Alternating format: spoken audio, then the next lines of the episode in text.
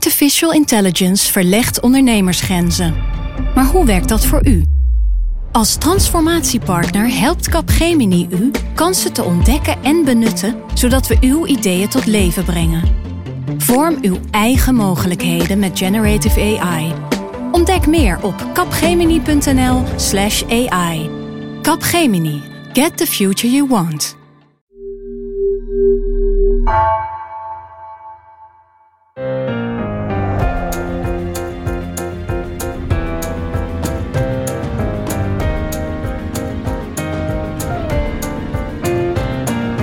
Dit is Haagse Zaken van NRC. Mijn naam is Lemja Aharwai.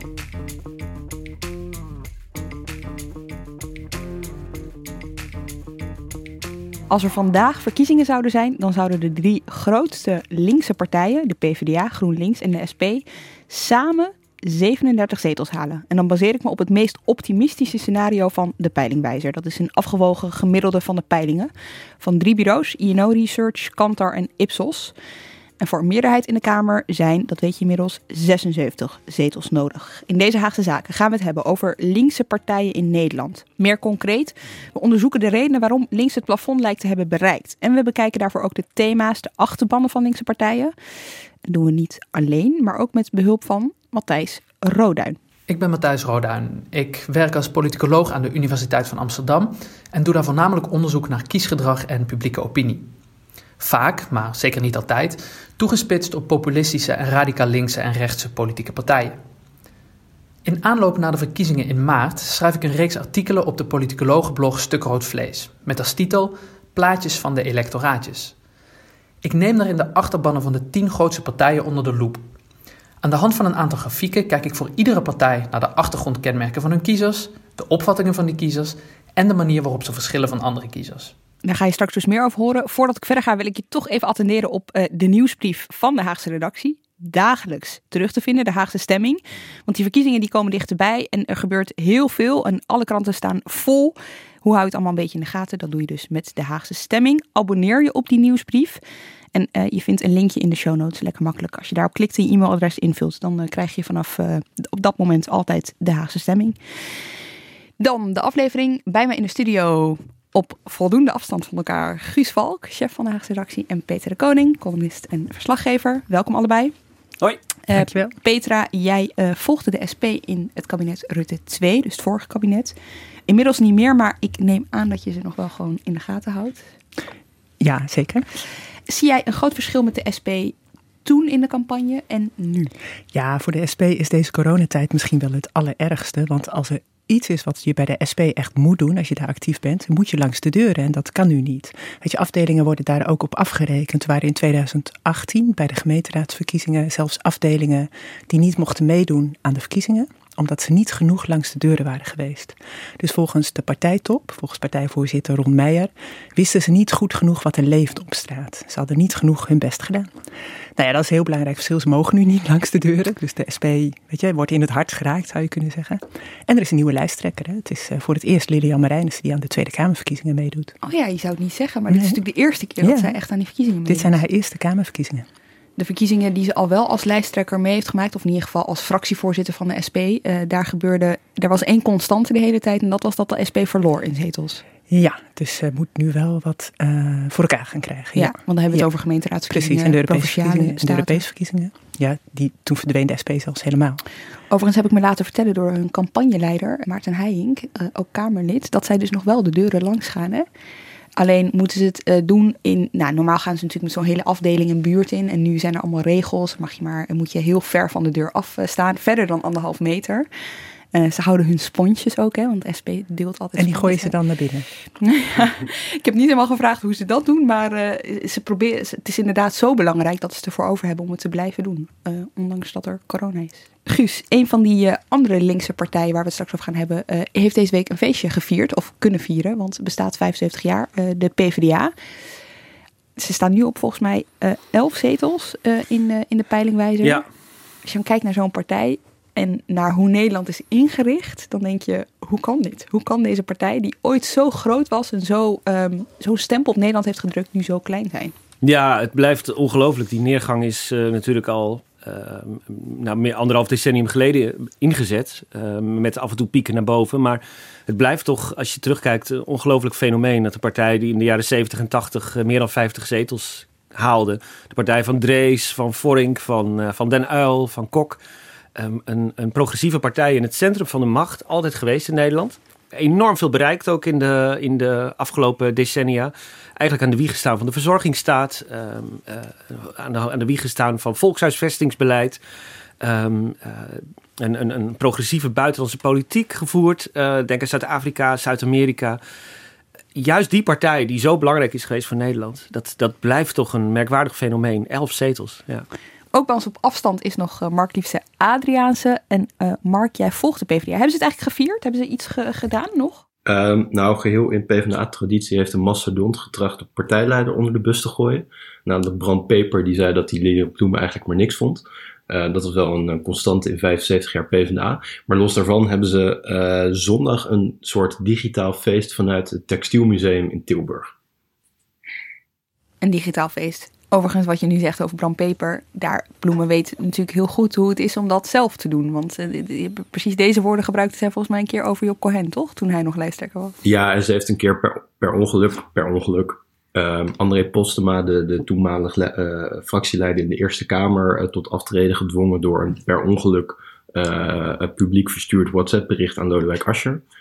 Dus ja, zij weet er ook wel van. Gezellige partij. Goed, over de geschiedenis van de PvdA maakten we al eerder een aflevering van Haagse Zaken. Uh, waarin we ook bespraken hoe toen nog Lodewijk Asscher de partij weer groot wilde maken. Die aflevering zetten we ook voor je in de show notes. Maar in deze aflevering gaan we het hebben over meer dan alleen de PvdA. Eigenlijk over bijna alle linkse partijen. En voordat we daaraan beginnen heb ik gevraagd aan politicoloog Matthijs Rodijn om ons uit te leggen hoe we die linkse kiezer nou eigenlijk zien. In het algemeen is het denk ik belangrijk om even stil te staan bij de vraag hoe groot links nu eigenlijk is in Nederland. Heel veel mensen zijn klassiek sociaal-economisch links. Wat betekent dat ze voor een grote overheid zijn die door middel van het herverdelen van inkomens voor meer gelijkheid zorgt. Afhankelijk van hoe je dit precies definieert en hoe je dit precies meet, is ongeveer 60 tot 75 procent van de kiezers op dit vlak links. Maar nu komt de grote maar. Mensen kunnen ook links zijn op andere vlakken. Om te beginnen op het gebied van ethische kwesties. Denk aan homorechten, abortus, euthanasie. We hebben het dan ook wel over progressief versus conservatief. Of op het gebied van sociaal-culturele thema's. Dan gaat het om de tegenstelling tussen cosmopolitisch versus nationalistisch. Denk hier aan thema's als Europese eenwording, immigratie, integratie. We zien mensen of partijen vaak als links als ze op alle drie deze vlakken links zijn. En dat is maar een relatief kleine groep. Afhankelijk van hoe je alles precies definieert en meet, is dat 10 tot 20 procent. Als je zegt dat mensen of partijen die sociaal-cultureel wat rechtser zijn ook hiertoe behoren, dan is dat misschien 30 procent. Dat wil natuurlijk niet zeggen dat de vier linkse partijen als blok niet groter of kleiner kunnen worden. Er zijn genoeg kiezers die zweven tussen GroenLinks en D66 of de PvdA en D66. Of bijvoorbeeld SP-stemmers die twijfelen of ze überhaupt moeten gaan stemmen. Afhankelijk van de context, de partijleiders en allerlei andere factoren kan het electorale aandeel van de linkse partijen van verkiezing tot verkiezing groter of kleiner worden. Daar wil ik wel bij aantekenen dat het percentage linkse kiezers dat van partij wisselt binnen het linkse blok vele malen groter is dan het aandeel dat wisselt tussen de blokken. Maar hoe dan ook, los van het uiteindelijke stemgedrag is het aandeel kiezers dat op meerdere vlakken linkse ideeën heeft relatief klein en behoorlijk stabiel. 10 tot 20 procent, eigenlijk best wel weinig. Ja, dat is zo. Wel als je het zo, als je het zo bekijkt. Maar in de, in de historie is het natuurlijk ook vaak zo geweest dat uh, de partij als de Partij van de Arbeid alleen groot kon zijn, denk ik, omdat ze heel veel verschillende wereldbeelden verenigden. En niet, uh, uh, zoals Rodan dat zegt, op al die, al die, al die honkjes aantikte. Maar dat ze bijvoorbeeld, met name als het gaat om internationale politiek of om herverdeling of iets dergelijks, een soort consensus vormden. En op andere punten dan weer niet. Ik denk dat um, de linkse kiezer is natuurlijk ook echt verdeeld over heel veel onderwerpen. En, over heel veel partijen, want op die onderwerpen komen we straks. Maar als wij het hebben over linkse partijen, dan bedoelen we dus, nou ja, we noemden ze net al de SP, GroenLinks, de PvdA. Maar er zijn er natuurlijk meer. Uh, We Mhm. hebben in de Kamer de Partij voor de Dieren, Denk.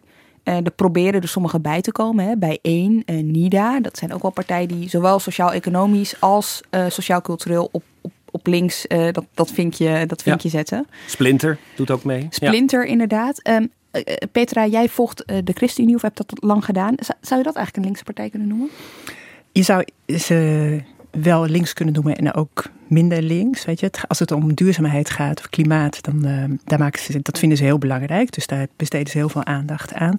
Sociaal-economisch zou je ze ook wel meer links kunnen noemen. Ze zijn ook uh, voor ruimhartige opvang van vluchtelingen. Maar aan de andere kant, als je cultureel kijkt, dan zijn ze wat conservatiever. En dat heeft Segers ook laten zien in zijn boek in 2019, De Verloren Zoon. Dat ging erover dat heel veel mensen zich niet gehoord voelen. En hij sprak zich toen uit tegen een dubbele nationaliteit. Als je ouders of grootouders van buiten de Europese Unie kwamen. En hij schreef ook dat de christelijke cultuur langzaam maar zeker is geërodeerd. Dus weet je, dat is meer, kun je meer cultureel conservatiever noemen, denk ik. Is de ChristenUnie niet ook uh, zo geworden en zo gegroeid omdat het CDA die linkervleugel heeft verwaarloosd de afgelopen tijd. Je hebt soms het gevoel dat ze een beetje de oude ARP-rol aan het spelen zijn. Ja, en, en je ziet ook dat ze als ze winnen, is het denk, denk ik vooral bij die, dat linksere deel van de CDA-stemmers. Dat weten ze ook wel bij de ChristenUnie hoor. Dat, ze, dat, dat sociaal-christelijke deel, dat stapt makkelijker over naar de ChristenUnie. Ja. Maar dus ook weer terug als stel dat er een tweestrijd ontstaat of ja, zo. Weet je, ja. Als je, als je zelfs die partij erbij pakt die ik net, eh, die ik net uh, ook uh, noemde, dan kom je uit op zo'n uh, 46 zetels. En stel je zou zelfs D66 er nog bij tellen, dan kom je ook nog steeds, dat, die staan nu op 13 tot 15 zetels, dan kom je ook nog steeds niet op een meerderheid. Er is denk ik, op, zeker op sociaal-economisch terrein, volgens mij een behoorlijk centrumrechtse consensus ontstaan. Ik denk dat over culturele onderwerpen heel verschillend wordt gedacht in Nederland, maar dat ehm, eh, als je kijkt naar hoe mensen naar economische onderwerpen kijken, dat er volgens mij nauwelijks echt sprake van debat is. En um, rechtse partijen hebben linkse onderwerpen omarmd, uh, zou je kunnen zeggen, in hun kritiek op kapitalisme en op uh, de ongebreidelde groei van het bedrijfsleven bijvoorbeeld, van, van multinationals, belastingontduikers, dat soort dingen. Maar links heeft daar niet een eigen verhaal tegenover weten te stellen, niet een eigen antwoord op gegeven. Dus, ik ben het er niet helemaal mee eens. Ik denk, ik denk dat Nederland Um, ik, ik ben het met je eens dat, dat, dat, dat politieke partijen vaak een, een, ja, met een bepaalde economische consensus uh, samen een bepaalde richting opgaan als een soort mammoetanker. En dat was de afgelopen 20, nou 40 jaar inmiddels misschien iets uh, sociaal-economisch rechtser en de laatste jaren iets sociaal-economisch linkser. Ik denk dat je dat inderdaad ook wel ziet onder, uh, onder kiezers, dat die juist ook sociaal-economisch linkser zijn geworden de laatste jaren.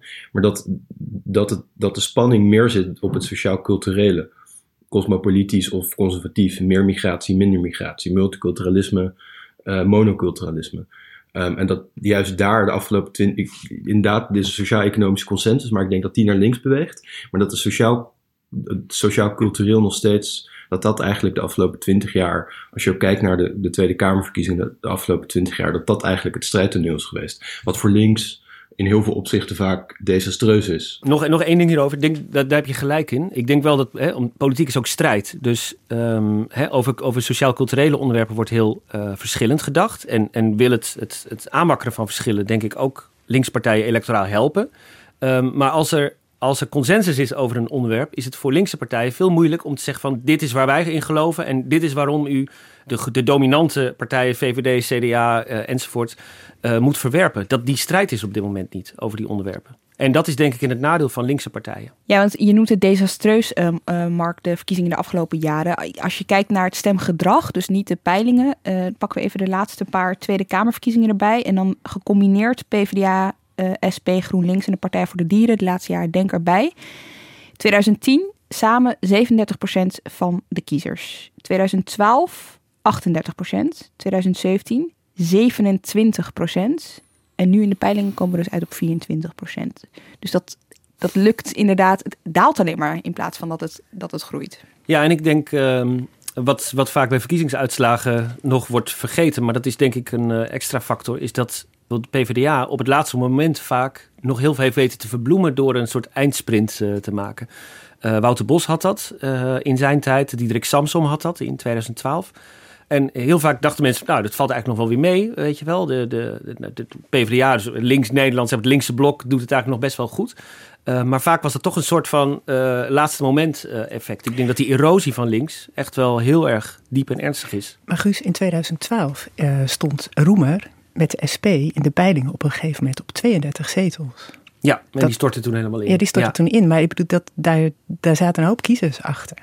En dat was de SP en dat was, ja, weet je, dat, dat, dat moet toch ergens zijn. Mhm. Dat is de SP ook nooit meer vergeten. Want eh, die zetels die moeten toch ergens zweven in de lucht. zijn En, hun eh, kiezers. zijn hun kiezers. Ja, ja, die moeten ergens zijn. Voordat we, voor, ik, ik wil straks met jullie wat meer die, die verkiezingen ingaan hoor. Maar eerst wat, wat algemene. Want als je die percentages, Mark, ziet aflopen, hè, zo, eh, al die verkiezingen achter elkaar. Wat is er gebeurd? Heel veel. Ik denk dat het goed is om te beseffen dat, dat waar we naar kijken in Nederland, dat dat niet uniek is. Dat je eigenlijk overal in Europa ziet dat links in het algemeen en sociaaldemocraten in het bijzonder het afgelopen decennia ehm, slecht, slechter zijn gaan doen. Ehm, en dan heb je het over een proces van 40 jaar waarin sociaaldemocratische partijen in de jaren 90 nog wel een opleving hebben gehad. Maar de trend neerwaarts is. eh, wat in heel veel landen ook vaak op een gegeven moment met een hele harde klap is gegaan. Wat dan pacificatie wordt genoemd naar de Griekse sociaaldemocraten die eigenlijk vanuit het niets in, totaal ineenstorten. Dat hebben we in Nederland gezien met de PvdA 2017. De- in Frankrijk de Partie Socialist die bij de presidentsverkiezing in 2017 ik geloof 6,5% haalde. De Duitse SPD. Eh, nou, dit, dit geldt voor bijna alle eh, eh, so- sociaal-democratische partijen in Europa. En dat is ook niet zo gek, omdat ehm, ik denk dat het het gevolg is van een aantal maatschappelijke ontwikkelingen de afgelopen 50 jaar in veel westerse landen, in veel Europese landen, ehm, die zich niet beperken tot alleen Nederland of Duitsland. En die ontwikkelingen die, die, die raken de kiezersgroepen waar linkse partijen op konden rekenen en ook hebben het ja, gewoon het politieke landschap veranderd. Maak eens concreet. Nou, economieën zijn post-industrieel geworden. Dus dat betekent dat traditioneel linkse partijen konden rekenen op een deel van de, ja, wat dan blue-collar working class wordt genoemd. Dus de arbeidersklasse die met hun handen werkt als het ware. En omdat economieën meer eh, dienstverlenend zijn geworden dan producerend, ehm, is die arbeidersklasse zowel in absolute als in relatieve zin kleiner geworden. Daar staat tegenover dat bevolkingen hoger opgeleid zijn, ehm, dus meer werken in de diensteconomie, verstedelijkt zijn, dat er een middenklasse is ontstaan, waar linkse partijen zich ook meer op zijn gaan richten. En die linkse partijen zijn vaak, of, en die middenklasse is vaak ook ehm, cultureel anders dan ehm, de arbeidersklasse waar de linkse partijen vroeger op, op hoopten te rekenen. Dat wordt dan de stille revolutie van de jaren 60 en 70 genoemd, waarin de culturele dimensie belangrijker is geworden. Ehm, en waarin je ziet dat met name eh, de linkse middenklasse kiezer vaak wat, wat libertaire culturele opvattingen heeft. Ehm, dus bijvoorbeeld voor eh vrouwenemancipatie, voor eh, homo-emancipatie, antidiscriminatie. En eh, dat, dat, dat schuurt meer met het autoritairdere cultureel conservatisme van de arbeidersklasse. Wat niet betekent dat ze allemaal met een, een foto van Stalin over straat liepen, maar wel dat ze vaak meer belang hechten aan eh, een, een duidelijke ordening van de maatschappij. Dat wordt dan door eh, Ronald Inghart, een, een belangrijke politicoloog, eh, postmaterialisme genoemd. Dus niet-economische waarden die belangrijker zijn geworden in de samenleving en dus ook in het stemgedrag.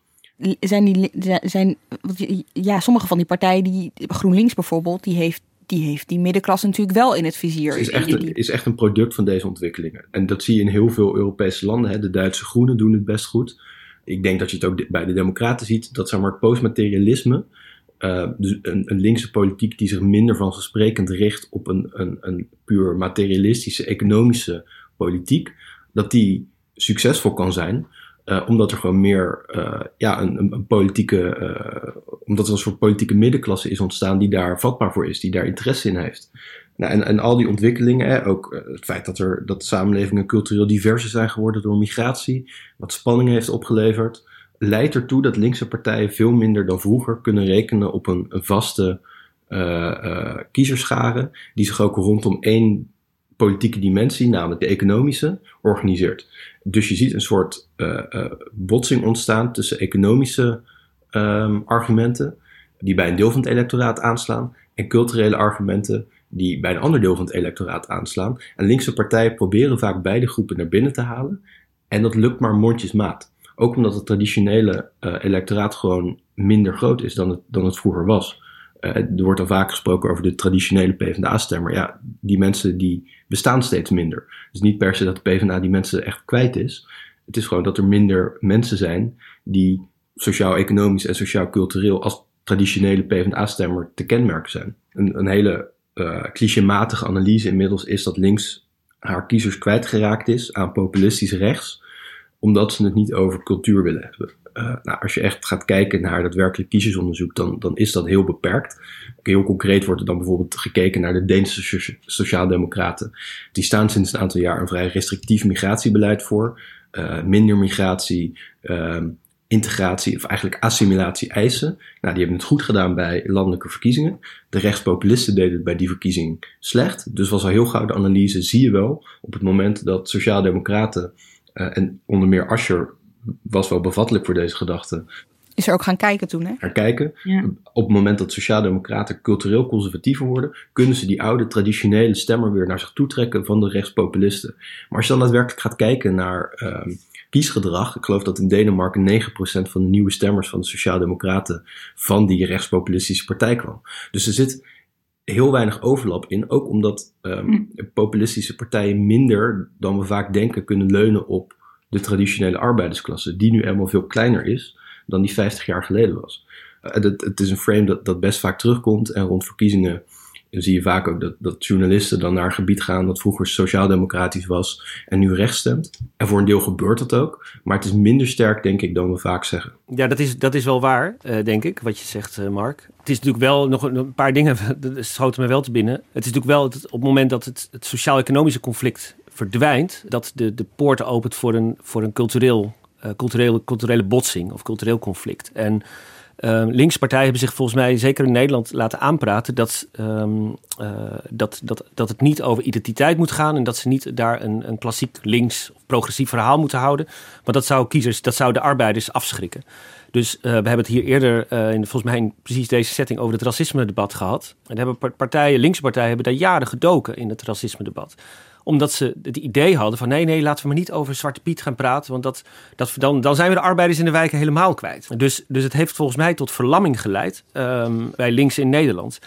Ik wil nog even toevoegen, in, in de Verenigde Staten, waar ik uh, uh, lange tijd correspondent was, heb ik ehm, gezien hoe links heeft geworsteld, ook met de opkomst van, van Trump.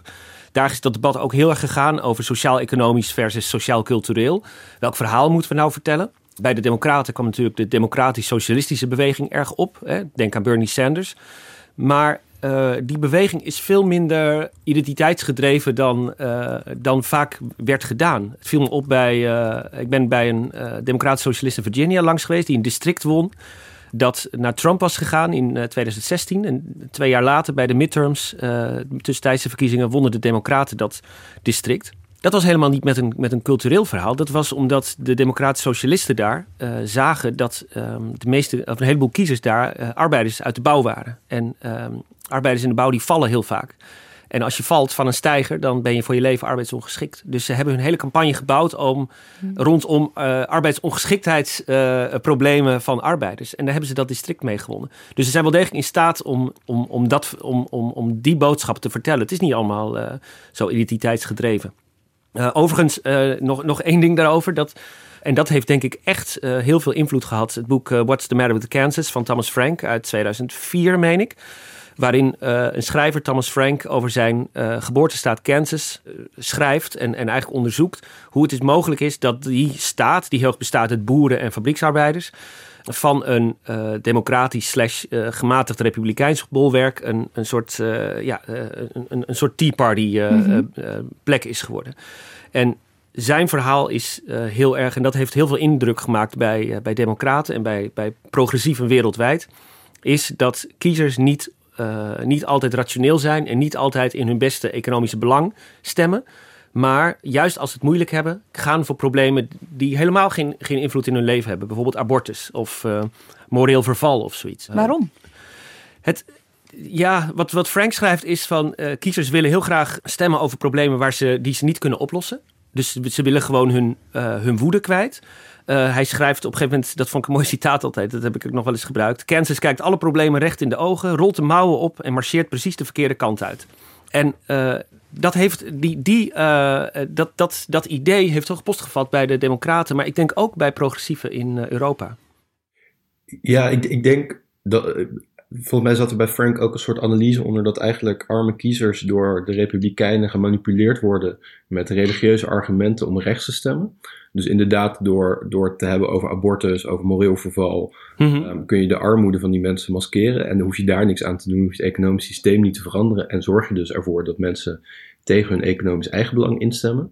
Ik Mhm. denk dat wat het onderschat is dat, zeker als je bedenkt dat de culturele dimensie in politiek de afgelopen decennia sterker is geworden, dat mensen ook niet enkel meer kijken naar wat in hun economisch eigenbelang is, maar in hun stemgedrag ook eh, ja, meenemen wat zij denken, waar zij culturele opbrengsten van verwachten. Dus waar, wat misschien in hun idee cultureel eigenbelang is. Dus minder migratie. Eh, eh, als je, als je wit conservatief bent, dan zou minder migratie of eh, assimilatie van nieuwkomers het idee kunnen geven van culturele opbrengsten. Eh, dus misschien dat het economisch je heel weinig oplevert, of misschien zelfs eh, geld kost, maar dat maakt dan minder uit, omdat je statusverlies kan voorkomen. Cultureel statusverlies. En het grappige vind ik dat deze analyse, en we hebben het dan vaak over, over arme witte kiezers, de rijkste kiesdistricten in de VS stemmen inmiddels bijna uitsluitend democratisch. Een partij die hun belastingen wil verhogen. Aan hen wordt eigenlijk nooit de, vraag gesteld: zijn zij achterlijk en stemmen ze tegen hun eigen belang? Ehm, omdat die mensen die stemmen voor de Democraten, omdat ze daar een bepaalde eh, cosmopolitisch idee achter hebben. Dus een, een, liberaal wereldbeeld dat ze bevestigd zien en waar ze culturele opbrengsten van verwachten op het moment dat ze democratisch stemmen. Dus ik denk dat we, dat we af moeten van het idee dat mensen puur tegen hun economisch eigenbelang in kunnen stemmen en dat het dan gek is, omdat mensen dan vaak toch een verwachting hebben over culturele opbrengsten op het moment dat ze op zo'n rechtsconservatieve partij stemmen. En dat dat op dat moment voor hen belangrijker is dan de vrees voor inkomensverlies. Terug van het grote verhaal even iets kleiner of iets, iets concreter maken. Als we kijken naar Nederland de afgelopen tien jaar, hebben we één grote partij gehad. En dat was geen linkse partij, dat was de VVD. Kun je, Petra, stellen dat Nederland gewoon ja, kennelijk centrumrechts is? Nou ja, als je naar de recente politieke geschied- geschiedenis kijkt, is dat toch niet zo. Ik bedoel, je hebt een hele grote PvdA gehad. Je hebt die, die SP heel hoog in de peilingen gehad. Dus de, de- ik denk niet dat je dat zo, eh, zo kan zeggen, toch Guus? Eh, als je, wij zaten samen in 2006 op de politieke redactie ook al. Toen stond de PvdA ook ongekend hoog in de peilingen. Eh, dat, was, dat was echt in de peilingen op 60 zetels, geloof ik. Het heeft 60 gehaald, ja. Ja. GroenLinks, 8 zetels in de Kamer, komt weer op 8. De SP, 9 in de Kamer, komt nu uit op 15, drie minder dan vorige week overigens. Partij van de Arbeid, 42 in de Kamer, nu op 60, één minder dan vorige week. Samen komt de linkse oppositie op 83 zetels. Maart 2006, andere tijden.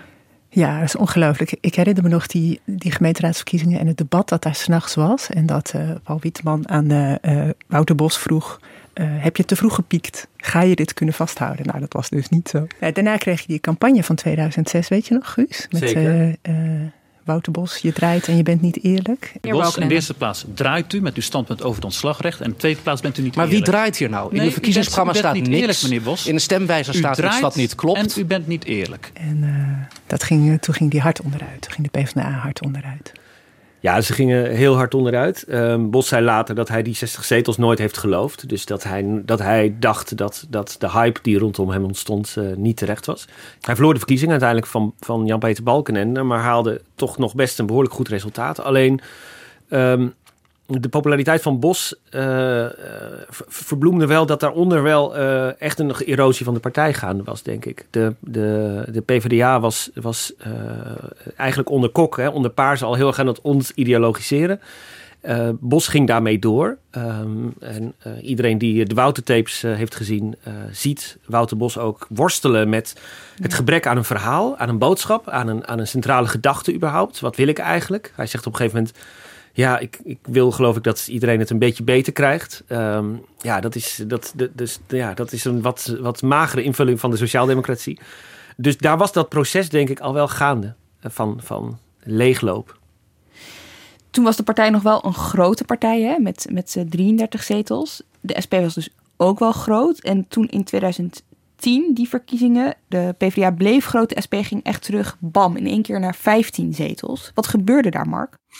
Um, in 2010 leek het er zelfs nog even op dat de PvdA de grootste zou worden. Uh, een, een, een, strijd tegen Mark Rutte, die eigenlijk pas diep in de nacht uh, beslecht werd in het voordeel van de VVD.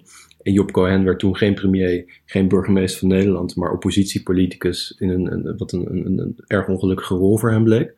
Ik denk dat eigenlijk de, verkiezingen van 2012 nog interessanter zijn. Het, Petra zei het inderdaad al, de SP stond toen heel hoog. Ik geloof dat ze op het hoogtepunt in de peilingen, uh, volgens mij was dat ook de eerste dag van de verkiezingen, uh, op 39 zetels stonden. En uh, naarmate de campagne vorderde, ging er elke dag een paar af, om uiteindelijk weer op 15 uit te komen. Um, maar wat dat toonde was, denk ik, dat juist het 2012 was een, was een super fascinerende verkiezing om heel veel redenen. Het was midden in de economische crisis en het ging alleen maar over bezuinigen. Het ging over economische onderwerpen. Um, terwijl de verkiezingen van 2010 en ook van 2017 veel meer gingen over um, culturele onderwerpen. Over migratie, over identiteit. Uh, identiteit. over integratie vooral ook. Nou, dus je zag toen ook, dat zijn ook verkiezingen waarin de PVV het, het beter deed dan de SP bijvoorbeeld. Twee partijen die, die deels in dezelfde vijver van um, uh, conservatieve kiezers zoeken, vissen. En in 2012 zag je dus dat op het moment dat het over economie ging, het links lukte om uh, best hoog te peilen. Eerst met de SP en vervolgens bij, bij de PvdA. Dat is toen met de SP totaal in, in elkaar gestort in, in de campagne. Ik denk dat dat ook komt omdat de SP gezien werd als een uitdaging voor Rutte. Daar gaandeweg de campagne dat steeds minder werd. Ook omdat ze heel erg regeringsveeg wilden zijn. Terwijl kiezers denk ik juist van de SP op dat moment verwachten dat ze een, een felle tegenstem waren tegen Rutte. En naarmate ze dat minder werden, Roemer ging zich verexcuseren voor het feit dat hij, uh, zich, uh, dat hij had gezegd zich niet aan de 3%-norm van Brussel te willen houden. Uh, de SP wilde ineens toch echt wel heel erg gaan bezuinigen, om te laten zien dat het quote-unquote een serieuze partij was. Waardoor ze de aantrekkingskracht, denk ik, van kiezers verloren. En dat momentum kwam toen bij Samson. Nou, die haalde uiteindelijk 38 zetels. En hij werd daarmee het linkse alternatief voor Rutte. En die 38 zetels, je zei het net zelf, dat is, dat is meer dan de drie linkse partijen op dit moment samen peilen. Maar Roemer maakte ook echt fouten hè, in die campagne. En Samson kwam met een verhaal dat, dat uh, enorm aansprak, met zijn eerlijke verhaal. Dus dat, weet je, die momenten in die debatten waren ook heel bepalend.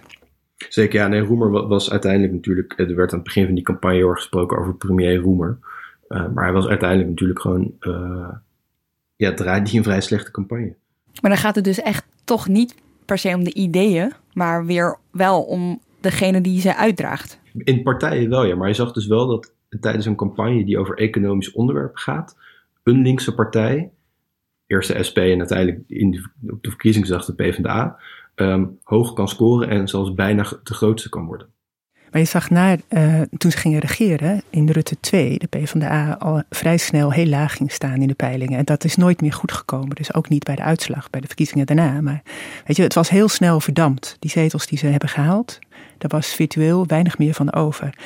En het opvallende was toen ook dat de SP dat niet kon overnemen. Die, het lukte ze niet om die, die kiezers naar zich toe te trekken.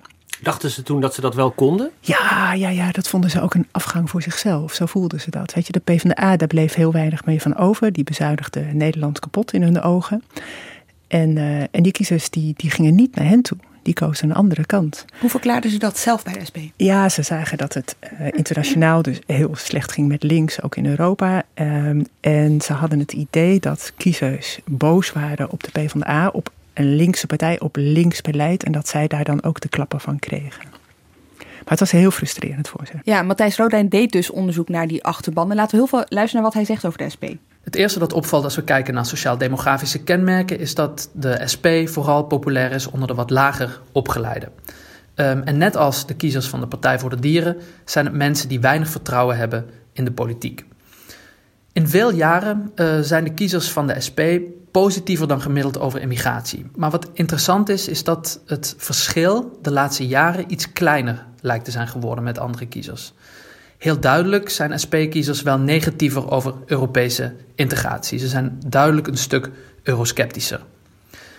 En het alle, het, nou, ik denk dat het meest in het oog springende uh, uh, resultaat, uh, als we kijken naar de SP eigenlijk, is dat ze niet heel links zijn op sociaal-culturele thema's.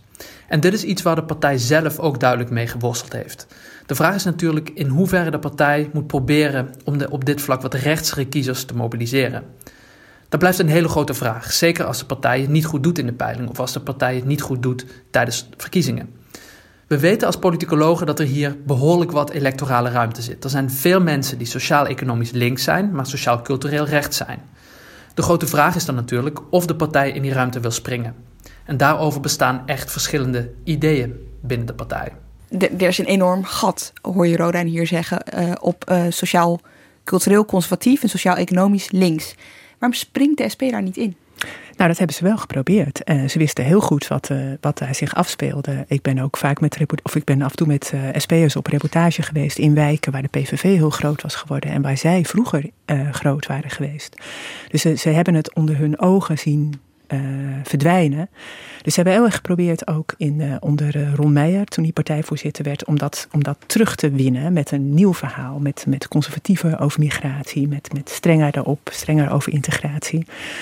Uh, en dat is, dat is niet gelukt. Dat, er was veel verzet bij een deel van de partij, die dat, uh, van de actieve, actieve partijkader, dat daar niks van moest hebben. Dus ze hebben het geprobeerd, maar ze hebben het niet het beeld kunnen veranderen van hun eigen partij. Dat is wel interessant. Dus de kiezersgroep zou eventueel groter kunnen zijn, maar hun eigen kader is het er niet mee eens. En dus nemen ze dat dan voor lief eigenlijk? Nou ja, het is, het is gewoon. Ze kregen het niet voor elkaar. Ze kregen dat niet als een duidelijk beeld naar buiten. Ook omdat op de partijraad was er, was een ruzie tussen de, het ene deel van de partij dat daar niks van moest hebben. En het andere deel dat dat juist wel heel graag wilde. Wat ik ook nog wel interessant vind aan wat uh, Rodijn zegt, is uh, dat eurosceptische deel van de achterban. Eigenlijk zou je denken, waarom, waarom zeggen ze bij de SP niet gewoon keihard, ja, we moeten uit, uit de EU? Ze willen de euro. Oh ja, uit de euro. Ja, ja, ja. Maar het is, niet, het is niet iets waar ze heel actief campagne op voeren. Nee, maar dat komt denk ik ook omdat dit nu geen heel relevant thema is waar heel veel kiezers hun stem op bepalen. Um, dus wanneer, ze dit, eh, wanneer we, we, nu een campagne zouden hebben zoals die in 2012, dus over bezuinigingen en Europese bezuinigingsconsensus en ook Europese bezuinigingsregels, dan kan ik me voorstellen dat dit een populair standpunt zou kunnen zijn om die links-conservatieve kiezers te trekken. Maar deze verkiezingen, ja, die gaan niet over de euro of over bezuinigingen. Dus uh, denk ik dat het nu minder relevant is, minder, ja, zoals politicologen dat noemen, salient, in hun, in de, in de, in, minder prominent in de overwegingen van kiezers. Ja, bij de Europese verkiezingen hebben ze het ook niet kunnen, naar voren kunnen brengen. Hè? Daar zijn ze nee, ik bedoel, daar zijn ze onderuit gegaan. Wat mij, wat, wat mij gewoon wel echt verbaast bij de SP, ze staan nu op 10 zetels in de peilingwijzer. Uh, ze hebben er nu 14 in de Tweede Kamer, dus ze staan op verlies. En als je dan kijkt naar het onderwerp op dit moment is natuurlijk corona. En dat vertaalt zich dan ook naar de zorg, naar uh, doorgeschoten marktwerking in de zorg. Iedereen heeft het erover. Uh, Marijnissen die probeert dan overal te zeggen... Ja, dit bewijst onze gelijk. Hè? On, ons gelijk, dat deed ze uh, laatst nog bij M. Kijk, er wordt vaak tegen mij gezegd bijvoorbeeld van nou, het ene na het andere idee van de SP wordt nou overgenomen. Hmm. Klopt, net hadden we het over het verhogen van het minimumloon.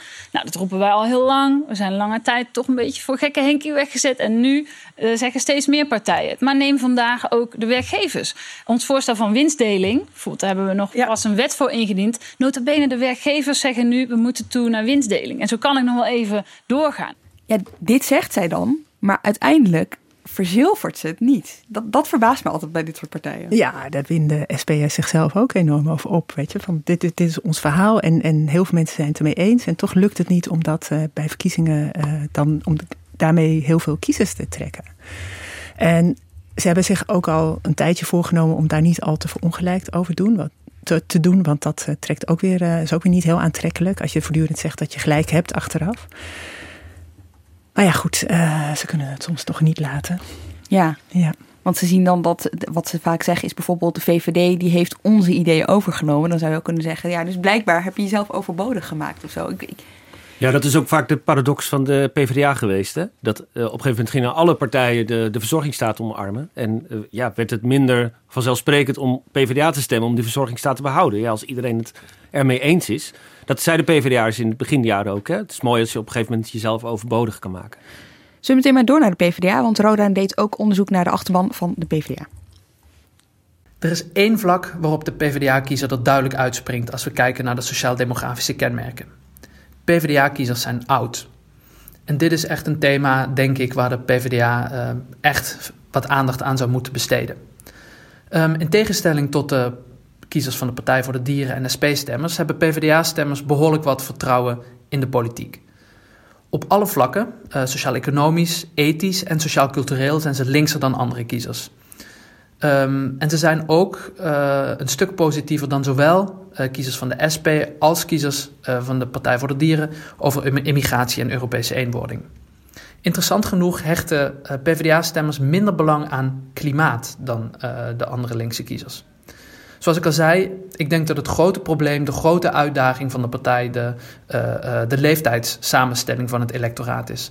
Ik denk dat, dat de partij er echt alles aan moet gaan doen om meer jonge kiezers aan zich te binden. De PvdA is een beetje een omroepvereniging. Uh, in de zin van dat, dat, dat het een heel oude achterban is, die toch ja, die, die op een gegeven moment gewoon aan het verdwijnen is. Uh, de PvdA heeft nooit, uh, is nooit ingeslaagd om de taal uh, voor, voor een jongere generatie te, spre te spreken of, of aan te spreken bij, bij, bij onderwerpen van, van deze tijd. Dat is denk ik een, een, een groot probleem voor de PvdA geweest. Um, zij moeten echt uitkijken dat ze op een gegeven moment niet helemaal door GroenLinks worden overgenomen, puur als je puur naar demografie Mhm. kijkt. Hoewel die kiezers dus niet per se uh, klimaat belangrijk vinden, of eigenlijk het minst. En bij GroenLinks is dat juist weer het, het meest. Dus... Ja, maar dat is denk ik ook wel leeftijdsgebonden misschien. Ja, dus je ziet denk ik de PvdA-kiezer uitsterven. En er komt niet echt iets voor in de, in de plaats van dat jongere generaties, jongere linkse kiezers, uh, andere politieke voorkeuren hebben en andere thema's belangrijker vinden dan die uh, ja, oudere PvdA-kiezer, zeg maar. Dus lager opgeleide linkse kiezers, die gaan misschien eerder naar de SP. Um, of misschien ook de PVV. Uh, en hoger opgeleide linkse kiezers vinden eerder aansluiting bij of bij één, uh, waar we het zo denk ik nog over zullen hebben. Of bij uh, GroenLinks inderdaad. Dus de uitdaging voor de PvdA is denk ik, en dan komen we eigenlijk terug bij een discussie die we net ook al voerden over uh, cultureel conservatief of progressief en identiteitspolitiek. Kijk, sociaaldemocratie is altijd gegaan over uh, de verheffing van gemargina gemarginaliseerde groepen. Traditioneel hebben we het dan over de arbeidersklasse en dan de witte arbeidersklasse. Maar uh, er zijn natuurlijk de afgelopen decennia meer groepen opgekomen die zich geëmancipeerd hebben, die zich als gemarginaliseerd uh, ja, voelen. En die daar ook uh, verheffing, uh, of die ook ver, verheven willen worden. En e zich willen emanciperen, zich willen politiek mobiliseren. En dat zijn vaak onder jongere linkse kiezers, zie je daar meer sympathie voor dan onder oudere kiezers.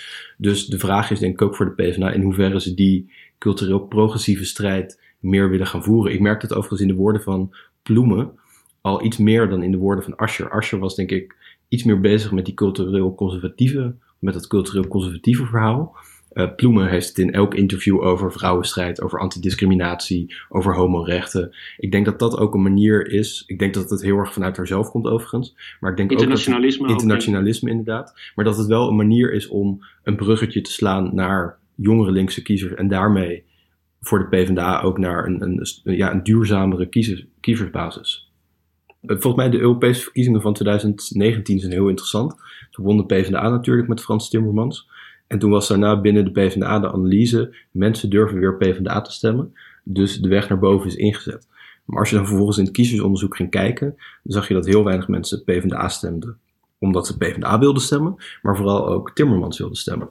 Um, dus misschien dat, dat mensen het wel, ze vonden het prima dat het dan een PvdA was, maar ze waren niet ineens PvdA-stemmer geworden. Um, bovendien speelden daar denk ik ook opkomsteffecten mee dat het, Europese verkiezingen stemmen minder mensen. Mensen die vaker gaan stemmen zijn ouder. Dus het gewicht van de PvdA-stemmer woog ook zwaarder um, dan dat van groepen die niet kwamen opdagen. Waar de PvdA dus echt op zoek moet naar die jonge kiezer om in leven te blijven, zal ik maar even uh, zeggen. Uh, is er een andere partij die die jonge kiezer al wel weet te trekken? En dat is GroenLinks heeft het uh, duidelijkste sociaal-demografische profiel. Het zijn voornamelijk vrouwen, mensen uit de grote stad, hoger opgeleide en jonge mensen die op GroenLinks stemmen. Qua opvattingen lijken GroenLinks-stemmers behoorlijk op mensen die op de PvdA stemmen. Maar op alle vlakken zijn ze net nog een stukje radicaler. Ze zijn net iets sociaal-economisch linkser, iets progressiever, iets cosmopolitischer. En ook hebben ze net weer iets meer vertrouwen in de politiek. En het belangrijkste verschil met de PvdA is dat ze klimaat heel belangrijk vinden. Een stuk belangrijker dan kiezers van de PvdA. Ik denk dat het voor de partij vooral belangrijk is om jonge kiezers naar de stembus te lokken. De partij is populair onder jongeren. Jongeren vinden klimaat belangrijk, zijn gemiddeld vrij cosmopolitisch. En de grote uitdaging is denk ik om deze uh, jongeren ook echt te mobiliseren. En daarbij is het voor de partij heel erg belangrijk uh, het klimaatissue hoog op de agenda te krijgen midden in deze coronatijden. Wat ik wel interessant vind is, ik sprak uh, Wijnand Duivendak, dat is de campagneleider van GroenLinks. En die vertelde over het kiezersonderzoek dat zij zelf doen. En ondanks corona, waar veel andere partijen bezig zijn met zorg, met economie, zegt hij dat um, tijdens corona, dus gerekend vanaf maart vorig jaar, toen het allemaal begon, is ja, klimaat bij hun kiezers bij hun kiezersgroepen 10 procentpunt belangrijker geworden. Dus het is alleen maar. Dus zij zijn echt van plan om ook echt een klimaatverhaal te gaan vertellen tijdens deze campagne. En volgens hen is dat 30 zetels groot. Dus mensen voor wie het stemmotief klimaat, voor wie dat onderwerp op staat, is dus 30 zetels groot. Ze kijken dus ook niet naar wat zijn onderwerpen die Nederlanders in het algemeen belangrijk vinden in die campagne, maar gewoon heel gericht mensen die eventueel dus in hun set GroenLinks hebben staan van partij waar ze op zouden kiezen. Waar, ja, wat willen die horen? Ik vraag me wel af hoe ze die campagne in de, in de, in de coronacontext willen, willen voeren. Want uh, ik denk dat de groep kiezers voor wie klimaat belangrijk is inderdaad heel groot is. En je vindt die kiezers bij bijna alle partijen, denk ik wel. Je hebt trouwens ook een groep, zeg maar, negatieve klimaatstemmers misschien, die, uh, die, uh, die bij Forum voor Democratie zit en die zich keren tegen de klimaatwaanzin of klimaathysterie of zoiets. Um, maar corona heeft natuurlijk alles wel in een ander licht geplaatst. En je ziet Jesse Klaver in debatten soms ook wel een beetje worstelen, vind ik, met het vinden van de goede toon. Um, waar ik het gevoel had dat met name Lodewijk Asscher, die nu dus weg is, dat toch wat eenvoudiger kon. Ja, wat ze, wat ze proberen te doen volgens mij is, weet je, we hebben nu een enorm crisisbesef. En dat besef vasthouden en de volgende crisis, of de, de andere crisis, daar de aandacht voor vragen. Dat zie je steeds ook wel gebeuren in ja, debatten. Want de vraag die zij dus stellen aan die, aan die kiezersgroepen is: wat is het belangrijkste probleem dat de politiek nu moet oplossen? En dan zegt dus een groot deel van, hen, van, van hun kiezers uh, klimaat. Dus misschien is het juist, Guus, omdat ze, niet, omdat ze zien dat ze in corona, in, in dat debat, eigenlijk wij niet echt een stem kunnen vinden. Of niet, het werkt niet echt, laat ik het zo zeggen. Dus ze hebben het op allerlei manieren geprobeerd. Hè. Uh, Klaver heeft vaak in de Kamer gezegd: wij steunen het beleid van, van, van dit kabinet waar het corona betreft.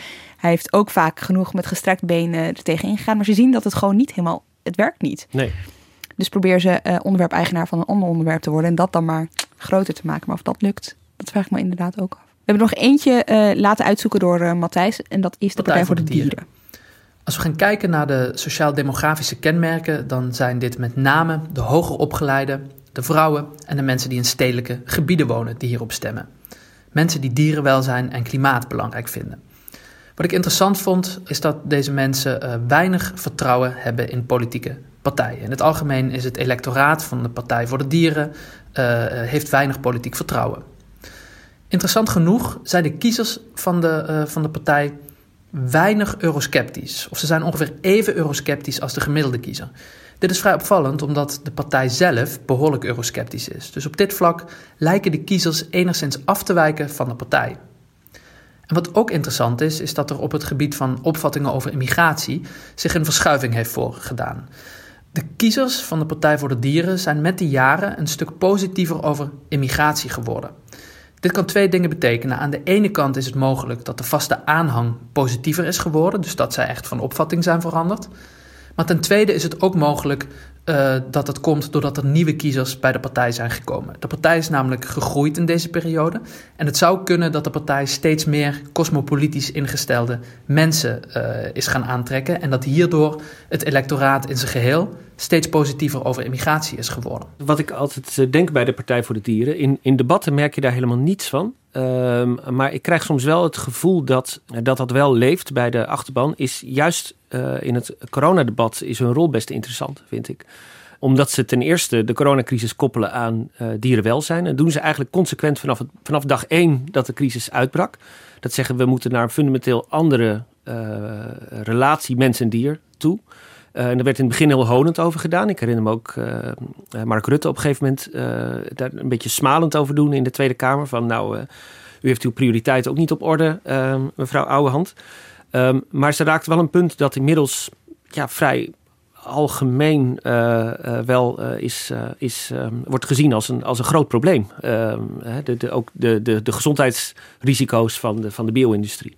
Dat ten eerste. Ten tweede verdenk je ze er toch altijd van dat ze een beetje op twee borden schaken. In die zin dat bij de Partij voor de Dieren ook een deel van de achterban in de corona-sceptische hoek te vinden is. in die zin dat, dat daar ook kiezers rondlopen die, uh, die uh, niet geloven in mondkapjes, die uh, niet geloven in, in beperkende maatregelen. Um, Vaccinatie. Vaccinaties, inderdaad. En dat is ook een deel dat de Partij voor de Dieren moet bedienen. Dat maakt hun boodschap. Daarom ben ik ook benieuwd naar hoe Esther Ouwehand dat in de campagne gaat, gaat adresseren. Um, want dat heeft ze tot nu toe, dat doet ze in de Kamer nooit. Nee, hè? ik hoor haar tijdens coronadebatten niet. Nee. Ja, ze, ze, gebruikt geen woorden waarvoor je, waardoor je zou kunnen zeggen van. Hè, eh, wat je bij Wilders bijvoorbeeld ziet, is die bedient altijd de mensen die voor het vaccin zijn, maar ook mensen die daar wat tegen hebben. Die noemt dat, die, die, die, voegt dat altijd samen als hij het over vaccinaties heeft. Maar bij oude hand merk je dat niet. Dat doet zij niet, nee, nee. nee, Maar ik ben wel benieuwd of zij, daar, of zij, daar, of zij die groep op een of andere manier gaat uh, aanspreken. En hoe groot die groep is ook binnen de Partij voor de Dieren. Ja. ja. Nou, uh, om het eventjes overzichtelijk te houden, hebben we Matthijs ook nog maar even gevraagd om ja, het samen te vatten. Wat nou de verschillende overeenkomsten tussen al deze verschillende partijen zijn, de achterbannen. Uh, als we gaan kijken naar de sociaal-economische dimensie, dan zien we aan de ene kant de SP en GroenLinks die wat linkser zijn, en aan de andere kant de PvdA en de Partij voor de Dieren die wat rechtser zijn. Het is wel belangrijk om hier te benadrukken dat de verschillen echt heel erg klein zijn. Op ethisch vlak zijn er bijna geen verschillen. Alle partijen zijn behoorlijk progressief. De verschillen zijn er eigenlijk als we gaan kijken naar de sociaal-culturele en de politieke dimensie. Op sociaal-cultureel vlak, denk aan immigratie en Europese eenwording, um, dan heb je aan de ene kant heel duidelijk de PvdA en GroenLinks. Zij zijn eh, behoorlijk cosmopolitisch ingesteld. Aan de andere kant heb je de SP, die een stuk nationalistischer is. De Partij voor de Dieren zit daar een beetje tussenin, maar zit een stuk dichter weer tegen de PvdA en GroenLinks aan. Het politieke vertrouwen, de politieke dimensie. Hier zie je eigenlijk dezelfde kloof. De PvdA en GroenLinks aan de ene kant. Uh, zij hebben veel vertrouwen in de politiek. En de SP en de Partij voor de Dieren aan de andere kant, ze hebben een stuk minder vertrouwen. Wat wel interessant is, is aan het begin hoorden we dus... deze hele groep kiezers is tussen de 10 en 20 procent uh, groot. En er komen eigenlijk alleen maar meer partijen bij... die diezelfde groep willen bedienen. Uh, we noemden net al eventjes NIDA, bij 1. Uh, Denk, Denk zit er natuurlijk ook bij. Ja. Dus, dat wordt, dus die gaan allemaal van elkaar afsnoepen. Want het lukt niet echt om van die andere 80, 70 procent wat af te snoepen. Ja, je ziet een enorme versplintering ja. op links. Ja. Dat komt denk ik ook omdat voor al die kiezersgroepen dus bepaalde onderwerpen belangrijker zijn uh, geworden. Die moeilijk met elkaar te verenigen zijn in één grote linkse massapartij, zeg maar. Dus in theorie zou je kunnen zeggen, tel het bij, allemaal bij elkaar op en je hebt één grote linkse partij. Uh, die veel groter is dan, uh, dan de VVD. Dus uh, daarmee kan links naar het torentje. Maar ik denk dat omdat heel veel van die kiezers dus zo van elkaar verschillen, dat in de praktijk um, eigenlijk niet te doen zou zijn. Ja, en tegelijk zie je, daar schrijft onze collega Tom Jan Meijers ook over, zie je een afkeer bij kiezers van die versplintering. Dus het zou juist ook een, een goed idee kunnen zijn voor links, zou je kunnen denken, om uh, uh, bij elkaar in één grote beweging te gaan of partij. Ja, maar als je dan Roda net hoort, het zijn wel verschillende het zijn wel verschillende groepen. Het zijn wel verschillende groepen die ze bedienen. Ja, maar die zie, je ook bij het CDA toch wel. Ja, zeker. Toen het CDA heel groot was, zag je dat ook heel duidelijk. Zeker nog, het CDA is er altijd trots op geweest. Dat, ze, dat ze verschillende uh, uh, ja, politieke stromingen in, onder één uh, in een tentdak konden verenigen. Brede volkspartij, hè? Daarom wisten ze, de, de, als, je, als je de protestanten en de katholieken samen kan krijgen... dan moet dat toch ook wel lukken met mensen die sociaal-cultureel misschien wat conservatiever zijn dan wat anderen. Is dat, is dat dan de analyse? Hoeveel zetels heeft het CDA tegenwoordig? Ja, Dit is een retorische vraag, Mark. Ja. Analyse, zeg maar, uh, eh, 30 jaar geleden helemaal klopte. Uh, maar dat die nu in een, in een hyper-identitaire en ook versplinterde samenleving veel minder ja, succesvol kan blijken. uh, dat, uh, dat er misschien best wat kansen zitten bij een fusie of een, een nauwere samenwerking tussen GroenLinks en de PvdA. Of om een, een links-progressieve partij te vormen. Um, die misschien nou, inderdaad wel 30 zetels zou kunnen halen. Maar dat de SP daar bijvoorbeeld echt weer niet bij zal passen. Op het moment dat, dat stel de SP gaat mee in zo'n fusiepartij, dan zul je denk ik zien dat de links-conservatieve kiezer afhaakt en of niet gaat stemmen, of naar de PVV zal gaan. Dus het is Ja. niet 1 plus 1 plus 1 is 3, zeg maar. Maar goed, het, is ook wel een beetje kiezen tussen twee kwaden. Zolang ze dit niet doen, is er dus ook geen sprake van een soort links machtsblok. Hè? En een, een echte linkse stem. Ze proberen het wel. Hè? Dus ik, eh, Ploemen zei deze week in de Volkskrant in een interview dat ze, als ze zou formeren, dat zou willen doen met GroenLinks erbij. Of anders de SP, het liefst gewoon met z'n drieën. Hè? Dus ze zijn. Ze maken wel dat soort onderlinge afspraken, maar het is ook wel de vraag hoeveel is dat waard als één van de drie straks een eh, uitnodiging krijgt aan de formatietafel en de rest niet. Ja, het gaat recht op aankomen. Want al die drie linkse partijen willen volgens mij heel graag gaan meeregeren. Nou, bij, eh, bij GroenLinks zijn ze zich echt al aan het voorbereiden hè, op, eh, op die formatie. Best wel boeiend. Door zelfs al door. Het is zelfs al van invloed op de campagne. Dus ze hebben voor zichzelf bepaald wat zijn de onderwerpen waar wij eventueel concessies op kunnen gaan doen tijdens een formatie. Die onderwerpen, daar moeten we dus niet te hard campagne op voeren. Want dan lijkt het alsof wij beloftes aan het maken zijn die we dan straks aan de formatietafel eventueel kunnen gaan breken. Ze hebben zich daar echt voorgenomen. Wij gaan niet nog een keer als een groentje aanschuiven. Dus ze zijn allerlei gesprekken aan het voeren met ook mensen met ervaring met formeren. Ook van andere partijen. Juist van andere partijen, want ze hebben zelf natuurlijk eh, niet echt ervaring. Dus ze zien het al wel gebeuren. Ja, stel je voor dat zij straks die, die uitnodiging krijgen van, eh, van de VVD. Maar ja, dat de PvdA en de SP daar niet bij zitten. Betekent dat dan dat GroenLinks er überhaupt niet gaat zitten? Dus Ja, dus de grote vraag gaat zijn, laten ze zich uit elkaar spelen of niet? Ja. Hoe, wat, wat willen ze het liefste? Samenwerken of meeregeren? ja. Voor die partij speelt ook gewoon mee dat op het moment dat als ze als enige linkse partij in een coalitie gaan zitten met bijvoorbeeld VVD en CDA, dat ze dan vermorzeld worden. Dat, dat ze gewoon ook een linkse partij in hun coalitie nodig hebben om zelf ook sterker te staan, om een sterkere onderhandelingspositie te hebben. Ja, daarom wilde D66 per se GroenLinks er nog bij houden in de, bij de vorige formatie. En overigens, als we het hebben over nauwere samenwerking. eh, Ja, kijk, ik vind het heel vanzelfsprekend dat, dat PvdA liever met GroenLinks erbij wil regeren dan met, eh, dan met de VVD alleen. Eh, ook gezien de vorige kabinetsperiode. Maar eh, er wordt al heel lang gesproken over die nauwe linkse samenwerking. Eh, een jaar geleden, eh, een van de laatste bijeenkomsten voor corona, vond plaats in de Tolhuistuin. Daar zouden de drie linkse leiders een, eh, een, met een gezamenlijke boodschap komen. Namelijk gezamenlijk optrekken in de begrotingsonderhandelingen. Dat leek een opmaat naar meer samenwerking. De week erop was ook het PvdA-congres waar een motie werd aangenomen tot nauwere linkse samenwerking. Er werd ook gesproken over stembusakkoorden. Over eh, misschien zelfs een gezamenlijke kandidatenlijst, ook in de GroenLinks-achterban. Of in de, onder de GroenLinks-leden werd daar heel erg over gesproken. Er werd een motie aangenomen op het congres om op te roepen tot nauwere samenwerking met de PvdA. En ja, als dan die nauwe samenwerking in de praktijk is eh, dat je voor de verkiezingen zegt elkaar vast te gaan houden, dan is eigenlijk, dat is eigenlijk nog best beperkt, toch? Eh, er is een jaar lang zoveel over gesproken en uiteindelijk is het enige waar ze mee gekomen zijn, ehm, we willen met elkaar regeren. En Ja. n- niet wat dan precies de gemene deler moet zijn van zo'n regeerakkoord. Hè, dus er is geen stembusakkoord of zo. Er is alleen de uitspraak of de, de, de toezegging of de wens om met elkaar te gaan Het regeren. voornemen. Het voor, dat is best, ja, ik vind dat best beperkt eigenlijk. Na een jaar waarin zowel vanuit de partijen als, als nou, waarin vanuit de partijen zo nadruk is gekomen op linkse samenwerking. Ja, het is best schamel. Maar het is een oud, oude linkse traditie om gezamenlijk op te trekken. Eh, Den Uyl had ooit de meerderheidsstrategie. hè. Die, eh, dat betekende dat, dat alleen zeg maar, door andere progressieve partijen vast te houden... je gezamenlijke meerderheid in een kabinet kon zijn... en dus ook echt links beleid kon gaan voeren. Eh, daar maakten ze destijds, het mislukte ook wel... maar daar maakten ze destijds echt een, een centraal punt van... Maar ze zijn nu toch helemaal niet meer in de, in de gelegenheid om dat soort eisen te stellen. Het zijn drie, eh, ja, het zijn drie toch betrekkelijk kleine partijen. Met bovendien andere eh, interne dynamiek. Voor GroenLinks is mederegeren nu echt, denk ik, voor het voortbestaan van die partij, echt heel belangrijk. Dat zien ze zelf ook zo. Eh, voor de PvdA ligt dat natuurlijk heel anders. Als die straks van 9 naar 10 of 11 zetels gaan, vraag ik me af of de PvdA of het, of het voor het profiel van de PvdA's verstandig is om aan te schuiven. Dus, dus ze hebben allemaal hun eigen, ook hun eigen belangen, hun individuele belangen. Dus die hele meerderheidsstrategie, ik vind het wel leuk dat ze daar al, al, eh, al jaren, dat, het, dat ze doen eh, alsof ze nog in de jaren 70 zitten. Maar dat, dat, dat is helemaal niet meer eh, realistisch. Dus eh, wij kunnen wel filosoferen over al dan niet samenwerken, maar uiteindelijk is het op links nog steeds ieder voor zichzelf. Ja, alsof ze ook met z'n drieën zo'n enorm machtsblok vormen. Dat is, dat is natuurlijk ook niet zo. Nee. Nog één laatste vraag, want ehm, we, zijn, we zijn nu eh, nou, eh, iets, nou, iets minder dan een maand voor de, voor de verkiezingen. We hadden het er net over in 2012, toen het thema ging over economie. Toen wisten ze hè, grote hoogte te halen, in ieder geval in de, in de peilingen.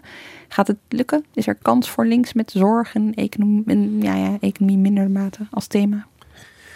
Ja, dat hangt er vanaf als je. Dat vind ik wel interessant aan corona. Dat, dat van corona kan je, dat heb je de afgelopen weken gezien, een uh, openbare orde onderwerp maken. Weet je wel, rellen op straat en hard ingrijpen, een harde aanpak. Dan is het opeens een, dan is het opeens VVD-speelveld. Maar als het gaat om eerlijk delen, om uh, toekomstbestendig maken, uh, als het debat die richting opgaat. Ongelijkheid. Ongelijkheid, inderdaad. corona treft de een harder dan de ander. Um, dan kan je van corona weer een heel links onderwerp maken. Dus um, volgens mij is links absoluut niet uitgespeeld of zo in dit, uh, in dit dossier. Helemaal niet. Het zegt nog vier weken, hè? Dat is lang hoor. Aftellen.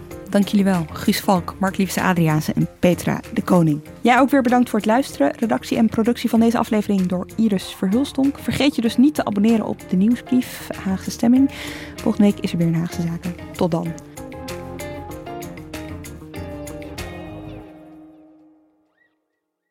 Ik ben al jaren ondernemer, maar waar moet ik eigenlijk allemaal aan denken nu ik voor het eerst personeel wil aannemen, voor het eerst ga importeren of voor het eerst een bedrijfslocatie zoek? Weet wat je wel of niet moet doen bij zaken die je voor het eerst oppakt. Check kvk.nl voor praktische stappenplannen. KVK, hou vast voor ondernemers.